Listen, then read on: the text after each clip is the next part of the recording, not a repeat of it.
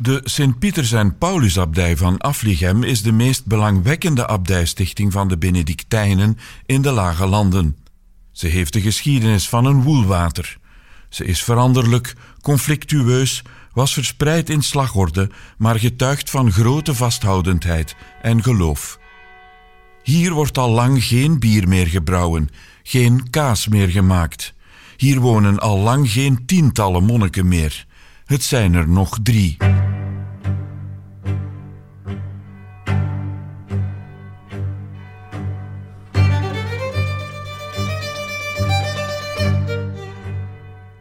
Dit is deel 2 van de audiodocumentaires over de abdij van Aflichem. Ik ga op de koffie bij Abt Jan Goedgebuur. Hij is 98 en een om verschillende redenen toonaangevende Benedictijn. Mijn gesprek met hem haakt in op de eerder door Kadok en Kerknet gepubliceerde audiodocumentaire Pius XII, Stille Kracht of Kille Zwijger. Ik focus grotendeels op de periode van de Tweede Wereldoorlog. De laconieke titel van deze audiodocumentaire is Over de Nuncius en de vrouw van de kardinaal. Het is een document uit een andere tijd. Abtian vertelt over een preconciliaire kerk in een preconciliaire tijd die vooral de jongere generaties onder ons zich nog nauwelijks kunnen voorstellen. Abtian herinnert zich nog goed hoe het bezoek van een pauselijke nuntius voor de monniken van Afligem een hele belevenis was. Eerst was er de nuntius Clemente Micara, die overigens goed bevriend was met onze koningin Elisabeth. Later bezocht ook de latere kardinaal Fernando Cento Afligem. Over hem doen enkele hilarische anekdotes de ronde. Het was een andere tijd, het was een andere kerk. Het ontzag voor de paus, voor kardinalen en bisschoppen, en met het ontzag de afstand, was onvoorstelbaar groot. Ja, dat is man. Nicola, hij moet hier geweest zijn. Ik ben hier van 43 al. Maar ik kan me er toch niks van herinneren dat, die, dat ik hem hier gezien heb. Maar wel van het centrum. Het centrum was de eerste keer geweest in het jaar 46. We vierden dan, we vierden dan 800 eh, jaar bezoek vanaf van de, de heilige Bernardus aan Aflichem. De heilige Bernardus is hier geweest, dat is historisch. In 1146. Dat was voor bij gelegenheid van een ruzie tussen twee Norbetijnen abdijen. De abdij van Diehem, geloof ik. En, van, ja. en dat was hier neutraal terrein. En Bernardus was scheidsrechter, dus die twee abdijen. Hij is hier geweest, want er is een document waarin hij, wat niet zelf ondertekend heeft, maar de, de abten die erbij waren. En de abt van Aflichem staat op de eerste plaats. Peter, Petrus. En uh, dat is 800 jaar geleden, was dat in 46. En dat werd hier groots gevierd met een processie, prachtige processie, met veel verklede groepen en allemaal. De, bij die gelegenheid als de nuntius uitgenodigd, Cento. Hij is hier dus geweest. En terzelfde tijd heeft hij de priesterwijding toegediend aan twee confraters van ons. De, de voormiddag was die priesterwijding en de namiddag die processie. Ik heb hem natuurlijk alleen maar gezien, uiterlijk. Ik heb hem niet gesproken. Ik was, ik was nog zelf nog jong. Uh, nog niet plechtig professor. Ik nog uh, het was geen novice meer, maar toch niet, nog niet definitief professor. En uh, ja, de, dingen, die wijding, dat toen hij binnenkwam, was al een hele indruk. De kerk stond stampvol natuurlijk. Bij die gelegenheid in die tijd, de kerk was, het was 700 plaatsen in onze oude kerk. Dat is de oude kerk nog, de lange kerk zo. En de kerkstand vol. En de Dunstius kwam dus binnen. En in die tijd, bisschoppen hadden ook een lange sleep. Ik weet niet of je dat nog van hoorde. Het was drie, drie meter geloof dat die sleep was. Moest iemand van de confraters moest die sleep altijd mee, meedraaien. Als de bisschop zei draaide, moest hij ook meedraaien. Die intrede was indrukwekkend. Kleine spechtige figuur was, zo beetje scherp van. En met een ogen mijver, zo'n Romeinse mijter. Wij keken ons ogen uit en dan begon het, het, het officie. Begon, Dus Deus in adiutorium meum intende. En hij deed dat met, met zo'n luide stemmen. Oh, roepen, roepen echt. Hè. Dus alles moest in die grote kerk. En geluidsinstallatie, dat was nog niet. Hè. Nuncius met een hele luide roep, een, echt een kreet. Hè. Deus, je toch. En uh, wij schoten, we zijn dat niet gewend.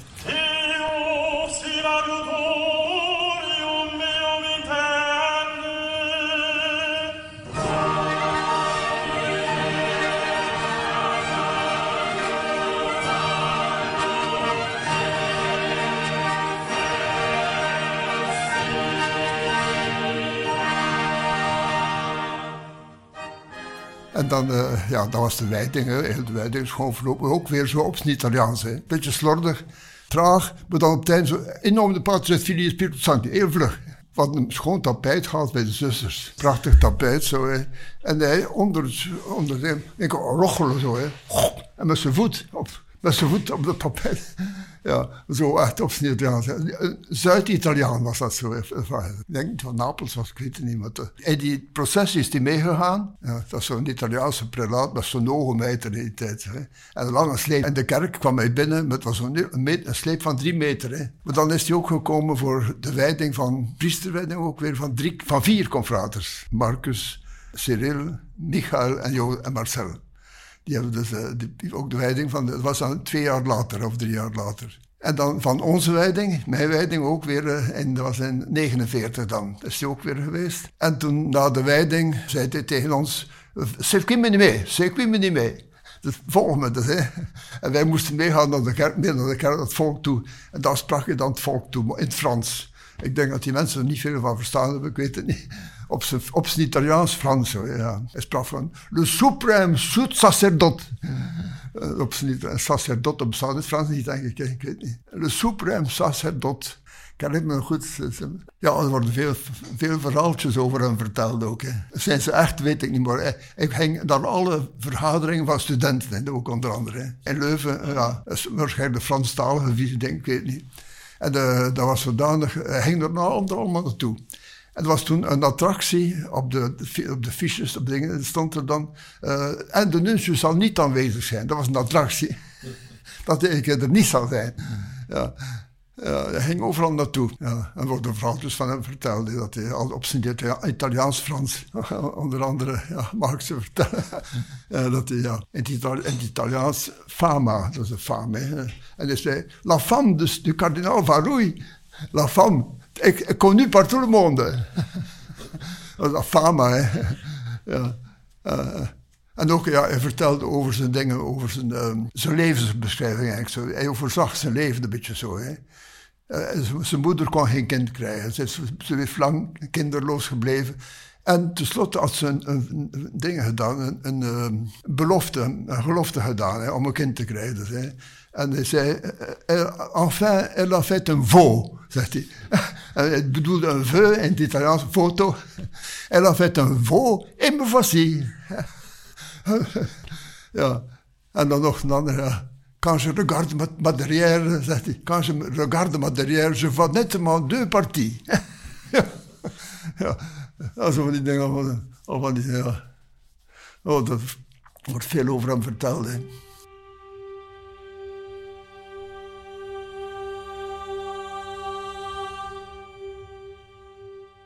We hebben hier onze Dom Stefan. Die had nou contacten met de nuncius, ook met Cento, maar vooral met de auditeur van de nuncius. Zanini, ja. contacten met, zijn personaliteit. Zo. Dat was voor Stefan was dat zo, ja. En dus hij was helemaal ingeburgerd daar op de duur, bij de nuncius, bij de auditeur vooral. En zodanig dat hij zelfs de nuncius hielp om auto te kopen. Hè. Want de opvolger van, van Cento, die was er niet mee gediend die heeft op een, op een zachte manier. Uh, uh, hij vond dat de, de monnik moest eens nabij blijven. Dus hè, ja, uh, dat, dat, dat, was mislukt.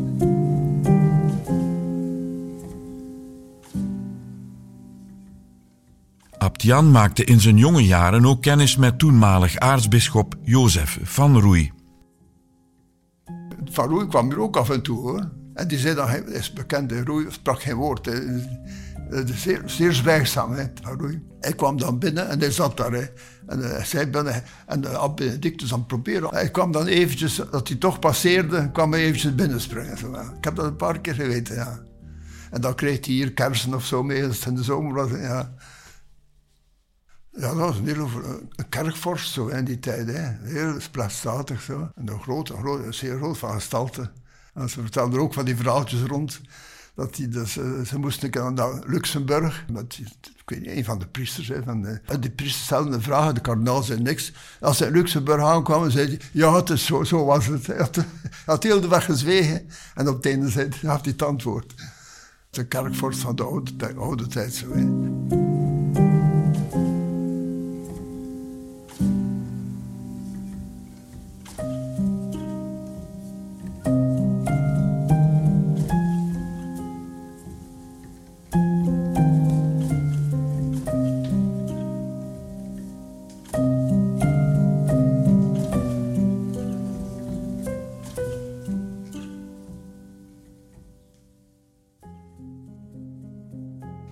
Twee jaar kerkelijk recht in Rome gestudeerd. En uh, dat was eigenlijk een hele mooie tijd voor mij. Hoor. Dat was in Sant'Anselmo, dat was het centraal huis, studiehuis van de Benedictijnen van heel de wereld. Hè.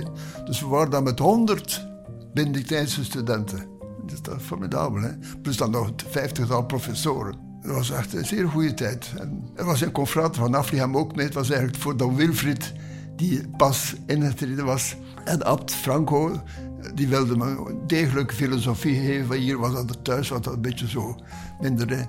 En, maar er moest dan iemand meegaan om een soort voogdij over Don Wilfried te hebben. En ik moest meegaan. En ondertussen kon ik kerkelkracht studeren. Dat was ook met het oog op les te geven hier later. Ik moest dus voor de, van de abdij van Dendermonde en Steenbrugge waren er ook twee mee. Dus we vormden een Vlaams groepje wel. Maar, uh, maar, die contacten met internationaal, dat was zeer interessant. Daar heb ik altijd de beste herinnering aan. Hè. Ah, van heel de wereld. Hè. Duitsers, Amerikanen, Engelsen, Fransen. Franse wijnen. De Fransen waren niet akkoord met, met Santa Salvo. Die vreesden dat, ze besmetting, dat, dat spiritualiteit zou besmet worden. De Fransen die hadden hun eigen dingen. Zo, maar toch, ik heb het toch gekend van Frankrijk. Hoor. Italianen waren er altijd veel, Duitsers altijd veel. Veel Duitsers. Ik ging daar. Ik had hier het meeste omgang met de Duitsers eigenlijk, eerlijk gezegd. Ja. Engelstaligen ook veel minder. Ja, in de refter had ik een Amerikaan naast me. En daar heb ik wel veel contact mee gehad, ja de Aan de ene kant een Amerikaan, aan de andere kant een, een, een, Braziliaan, die daar later ook geworden is. Iedere dag gingen we dus vanuit Sant Anselmo, we logeerden in Sant Anselmo, gingen we dan alle dagen naar het Lateraan. Ik heb de kerkrechten voor het Lateraan. Dat waren allemaal monseigneurs of priesters die les gaven en zo. De ene al beter dan de andere natuurlijk. In het, in het, Latijn allemaal, hè. alles in het Latijn. En die vinden dat vlot. En we verstonden dat gewoon snel, verstonden nog ook. ja. Er maar één, die Italiaans was een leek. Eén leek, dat is Romeins recht. En dat, die, die deed in het Italiaans.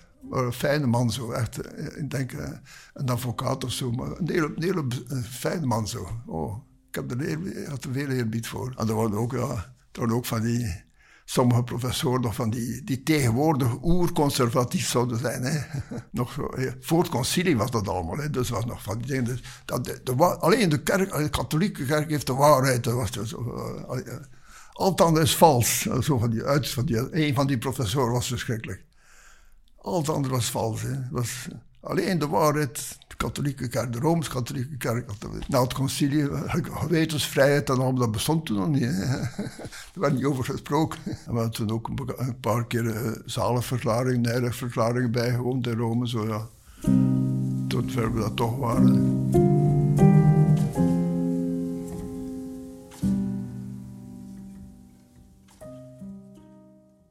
De paus was toen ook, ja, was ook, zat ook op een troon altijd. Hè. Als je nu denkt aan Franciscus heel wat sympathieker. Ja, dat was toen, hè. dat was toen heel die geest van die tijd. Hè. Ja. Het is een, een, andere wereld tegenwoordig, een andere, een andere oh, het is ongelooflijk. Een eerwaardige persoon, heel, heel, waardig zo. Ik kwam heel waardig over. Maar ja, op een hoge troon verheven. Ja. Maar ik kwam, ja, dat was echt iemand om eerbied voor te hebben, zo. Uiterlijk, hè.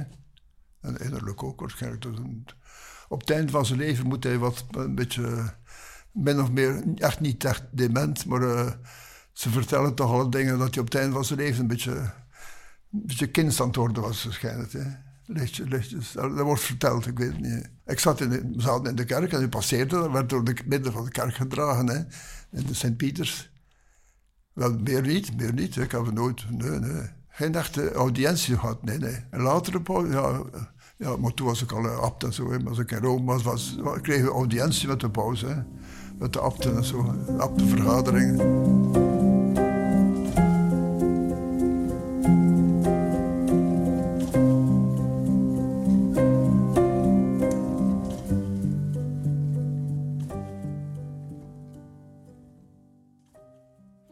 Alle dagen was ook in Sant'Anselmo. Alle dagen die priesters, met zoveel priesters daar, hè, die, die privémessen allemaal. Hè, dus, na, na het morgenofficie, allemaal naar die altaren, dat staan vol altaren. Iedereen is een privémisser, ja. Concelebratie bestond niet. Dus al die priesters moeten apart mislezen. Hè. En een van de, degenen die priester waren, gingen dan, en dan, dan een van de niet-priesters als, als misdienaar, Oh, dat was altijd, ja. Dat was een hele gebeurtenis. Die, mis iedere dag al. Die, al, die crypte stond vol altaren, hè. Zoveel, zoveel priesters. Nou, misschien 50 priesters. Ja. Maar ik ben daar twee jaar geweest, maar eerlijk gezegd, ik ben er niet zoveel in. Dus, dan Wilfried ging altijd, dat was overal mee. Hè. Ik bleef thuis. Het was, iedere donderdag was het wandeling. Hè. En onder leiding mocht je inschrijven dan. Hè. Waar dus, eh, de studenten, er een lijst uit, hè. Eh, leider die, een van de studenten, uh, of die die, en mocht je uitkiezen. En dan Wilfried altijd meegaan. Hè. Die, maar die had er smaak voor. Ik, ik heb er nooit van, nee. Ik ben geen toeristisch, had, niet toeristisch aangelegd. Zo. Ik ben nooit geweest hoor, die grote, de grote dingen heb ik gezien hoor, maar Russisch ging overal mee.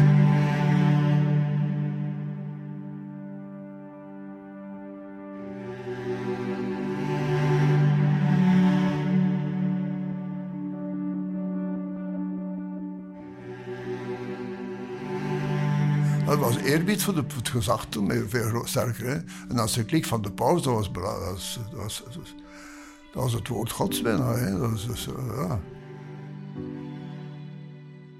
Ik nog, als ik nog thuis was als kind, als nog, uh, de socialisten hadden zo'n blaadje in Oostende. Uh, waar de, de paus bespotten en zo. Ik weet nog goed dat ik toen nog wel aan verontwaardigd was als kind waren wel geïnteresseerd. De opvolging bijvoorbeeld, daar, waren zeer geïnteresseerd. Hè. Dat is toen Johannes de 23e zeker die opvolger was. Hè.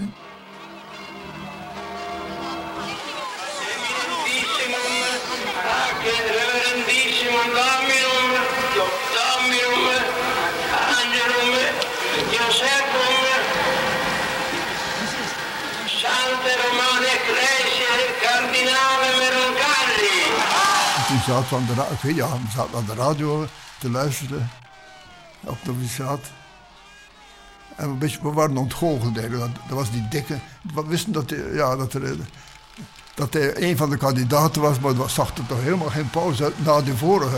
De vorige was zo'n uh, slanke figuur, waardig. En Johannes 23 was een gezette mensen. ik weet goed dat we ontgoocheld waren. Zo, ja. Oh, is dat die? Ja. Maar nadien heeft hij dus bewezen dat hij wel een van de beste was. en de baanbreker eigenlijk hè, de tijd. Wij waren met onze familie gevlucht naar Frankrijk. We waren met, met zes kinderen. We waren met, eigenlijk met maar mijn twee oudste broers die waren al... De ene was eh, Dominicaan, de andere was seminarist in het. En we hadden nog zes kinderen over, en de ouders ook. Mijn vader was volksvertegenwoordiger. En uh, de groep ging naar Frankrijk. Dus, hè, mee, dus, de groep ging naar Frankrijk uit en wij ook. In een bus speciaal voor uh, volksvertegenwoordigers en, ja, en wij met onze familie daar ook op. En dan in Frankrijk, wat wil ik nu zeggen? Ja, ja wel, was er op een zeker moment was er daar een plechtigheid, we waren in Macon aangekomen. Daar zijn we twee maanden geweest, Macon. Het was een plechtigheid ja, voor, voor de, ja, de oorlogs, oorlogsslachtoffers of zoiets, ik weet niet. Het was een, bij een monument. Er was ook een Joods meisje bij, die mocht bloemen dragen. En mijn, ouders hadden gesproken met die, met ouders van de meisje. En toen zeiden die ook dat de, de Joden zo vervolgd werden, zei ze, zei die vrouw. En dat is dat me van hoorde, maar we wisten dat niet, wisten van niks. Wisten niks van. Nee, ook, het is pas na de oorlog dat dat uitgekomen is. Hè.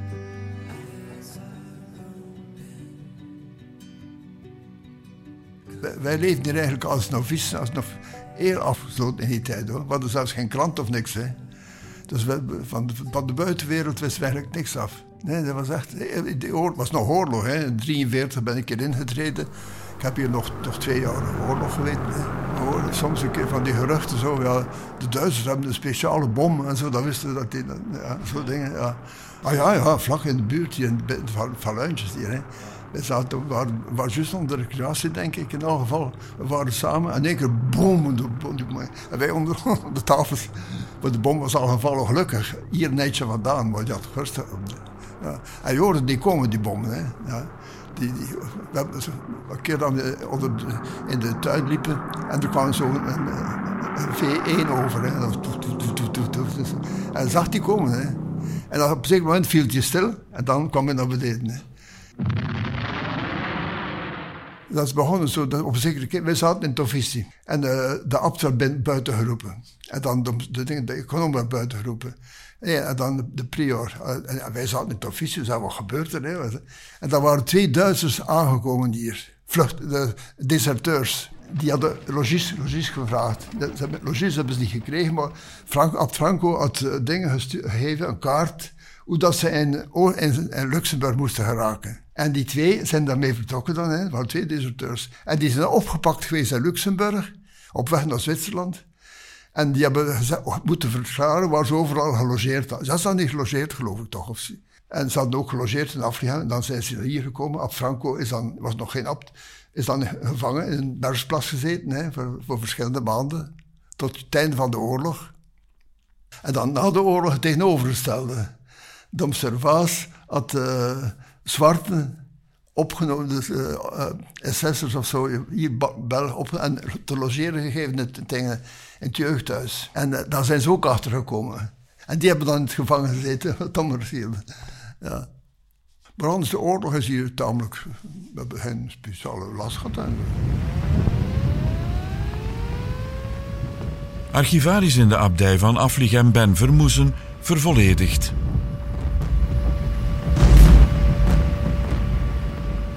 De Tweede Wereldoorlog, ja, dan zijn er hier heel veel vluchtelingen geweest. op een bepaald moment waren er zelfs zoveel vluchtelingen dat ze tot in de kelder zaten. En bij het uitbreken zijn uh, de monniken op de vlucht geweest. En, uh, een aantal, beperkt aantal zijn hier gebleven. Eén uh, monnik heeft de monialen van Mediatrix, Maria Mediatrix begeleid naar het zuiden van Frankrijk. enkele zijn, als we het verhaal van Dom Ambroos Verheul mogen vergeten. En dan zijn er ook nog, ja, op het einde van de oorlog een paar monniken in moeilijkheden geraakt omdat ze twee Duitse deserteurs geholpen hadden. En Dom was zo iemand, wit of zwart, rood of geel, mensen help je. En die zijn dan achteraf nog, ja, opgepakt en hebben in de gevangenis gezeten. Men dacht, zij dachten dat ze zouden gefusilleerd worden, maar een van hen, Don Bernard, zou het, uh, wat heeft hij nu weer gezongen? Magnificat. En dan begreep toch een van de Duitsers, zijn toch priesters. En zo zijn ze aan de dood ontsnapt. Dat heeft de Ambroos altijd verteld. Gelukkig Franco, er was toen nog geen hap, hè, maar Don Franco de Wiels, ja, die is ook wel uh, vrij goed weggekomen dankzij een tussenkomst van Cyril Verschaven.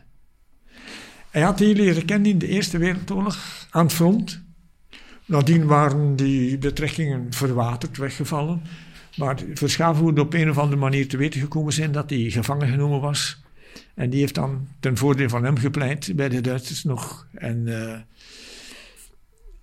maar dat was dus nog uh, in de, net voor de bevrijding.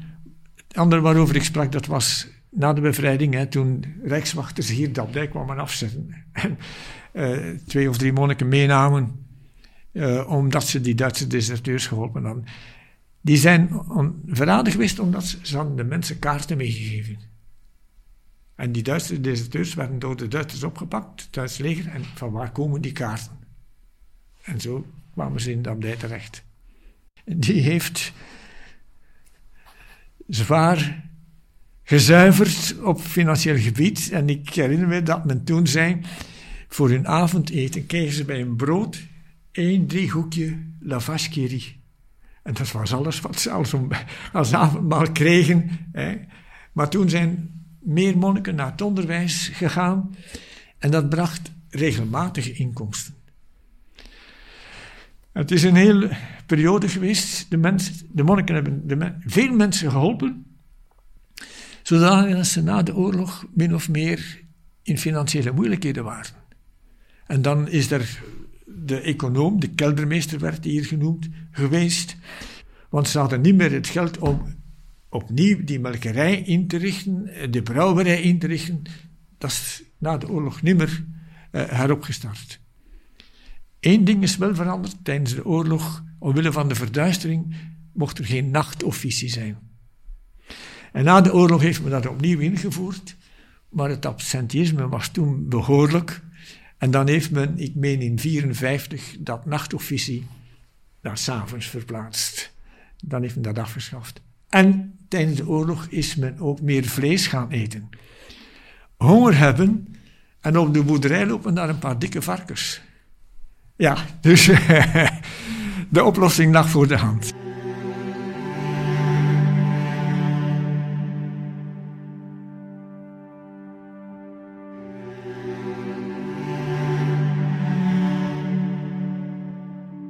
Zijn wel gaan kijken als de Engelsen binnenkwamen. De, de, de, ze zijn naar de Steenweg gegaan. Ja, van hier hoorden we de lawaai van die, die, die uh, tanks. En we mochten gaan kijken naar de Steenweg. En dat wel. We voelden ons zo bevrijd. In één keer was dat... Uh, onder mocht, mocht, je niet zeggen wat je wilde natuurlijk. Moest allemaal, alles was gevaarlijk. Maar dan was in één keer een gevoel van bevrijding. Dan, als, ik, als ik daar nu over nadenk, het was zo stil en rustig leven op noviciaat, dat was gelijk. Uh, alleen die ene kleine groep zo, ja.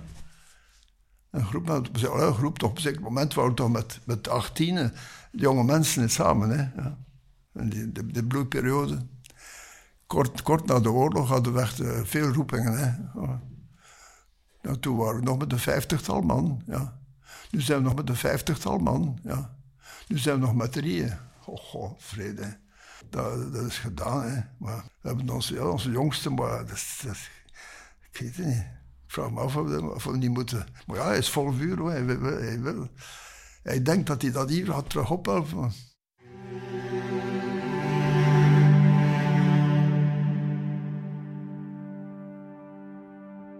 Van kinds af wilde ik pater worden. Ja, maar dat was dan was gewoon zo. Hè.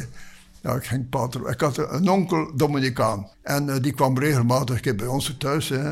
En uh, ik had zo eerbied voor dat, dat wit tapijt en allemaal en zo. En, en uh, was een hele verstandige man, die sprak zo rustig. ik was erdoor gefascineerd. En dat was wel de kiem van mijn roeping, denk ik, een beetje. Hè. Verdween dan later, hoor. Integendeel, ik, ik vocht er aan tegen. Ik zei, dat moeten ze niet denken van mij en zo. Dan, Maar dat komt dan toch weer boven. Dat dat roepingen, dat is eigenaardig. Alles wat, ik had dan belangstelling voor al die dingen. We hadden thuis een, week, weekblad Katholieke Illustratie. Dat was een, erg van Nederland. En, uh, dat, uh, en op een zeker keer was daar een reportage over de abdij van Sint-Andries in verschenen. Plechtigheid. Al veel foto's. Oh, ik heb daar nog gekeken. En ja, toen wilde ik al Benedictijn worden.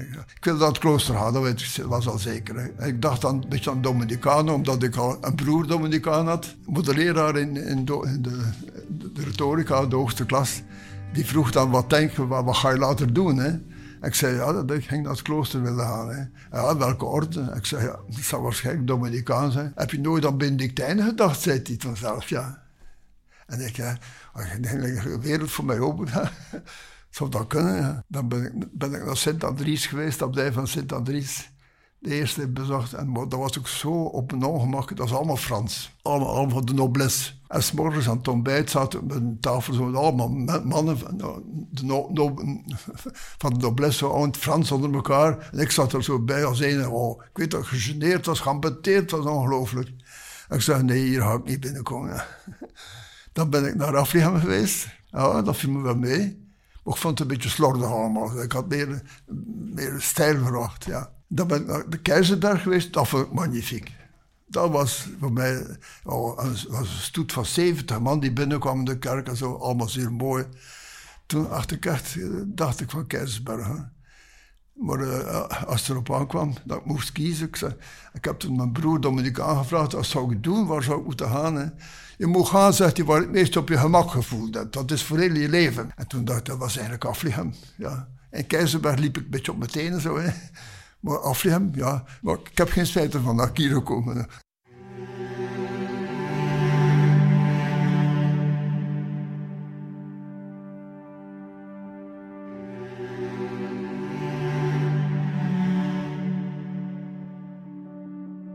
was oorlog, ja.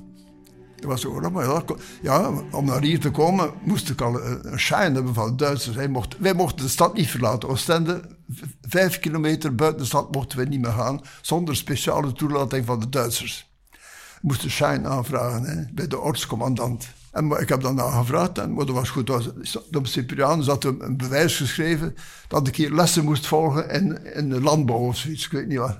En dat was goed, ik mocht, ik mocht gaan. Dan ben ik hier dus aangekomen. Ja. Maar dan voor de rest van, was, van de oorlog niet veel gewaar. Behalve tekort aan eten, hè. in Oostende zeker ook. We hadden, alles werd afgewogen. Hè. We kregen van die zegeltjes. Ja, zoveel, iedereen persoon zoveel. En dat was heel weinig eigenlijk. En het brood, slecht brood. Oh. Maar hier, ik, was, ik kwam hier in de hemel. Hè. Dat was hier echt gezond brood. Aardappelen in overvloed. Altijd ajuinsaus. En, en, en in Oostende, bij, oh, dat was, was echt schamelijk. Als ik daar nu aan terugdenk. En vooral, ik kom nog eens stellen, mijn, broer, die iets jonger was, die had altijd honger. Hè. Had die moest eten, ja, en dat was er niet. En mijn ouders spaarden dat uit hun eigen mond, ja. ja, dat was, dat was toch miserie, dat was toch wel weinig. Hè. En hier, dat was overvloed hier. Hè. Oh, wij mochten niet normaal uh, graan verzamelen voor de osties. Bij de toelating van de dingen, omdat die, dus werd er ook af, af, afgehouden voor ons. Hè. Dat was allemaal eenvoudig hoor. Dus, uh, chocola en allemaal, dat bestond niet. Hè. Dat, dus maar na de oorlog dat we voor deze keer een keer een stuk chocola kregen hier aan tafel. Ja, dat kon je allemaal krijgen met, met woekerprijzen en zo natuurlijk. Hè, maar.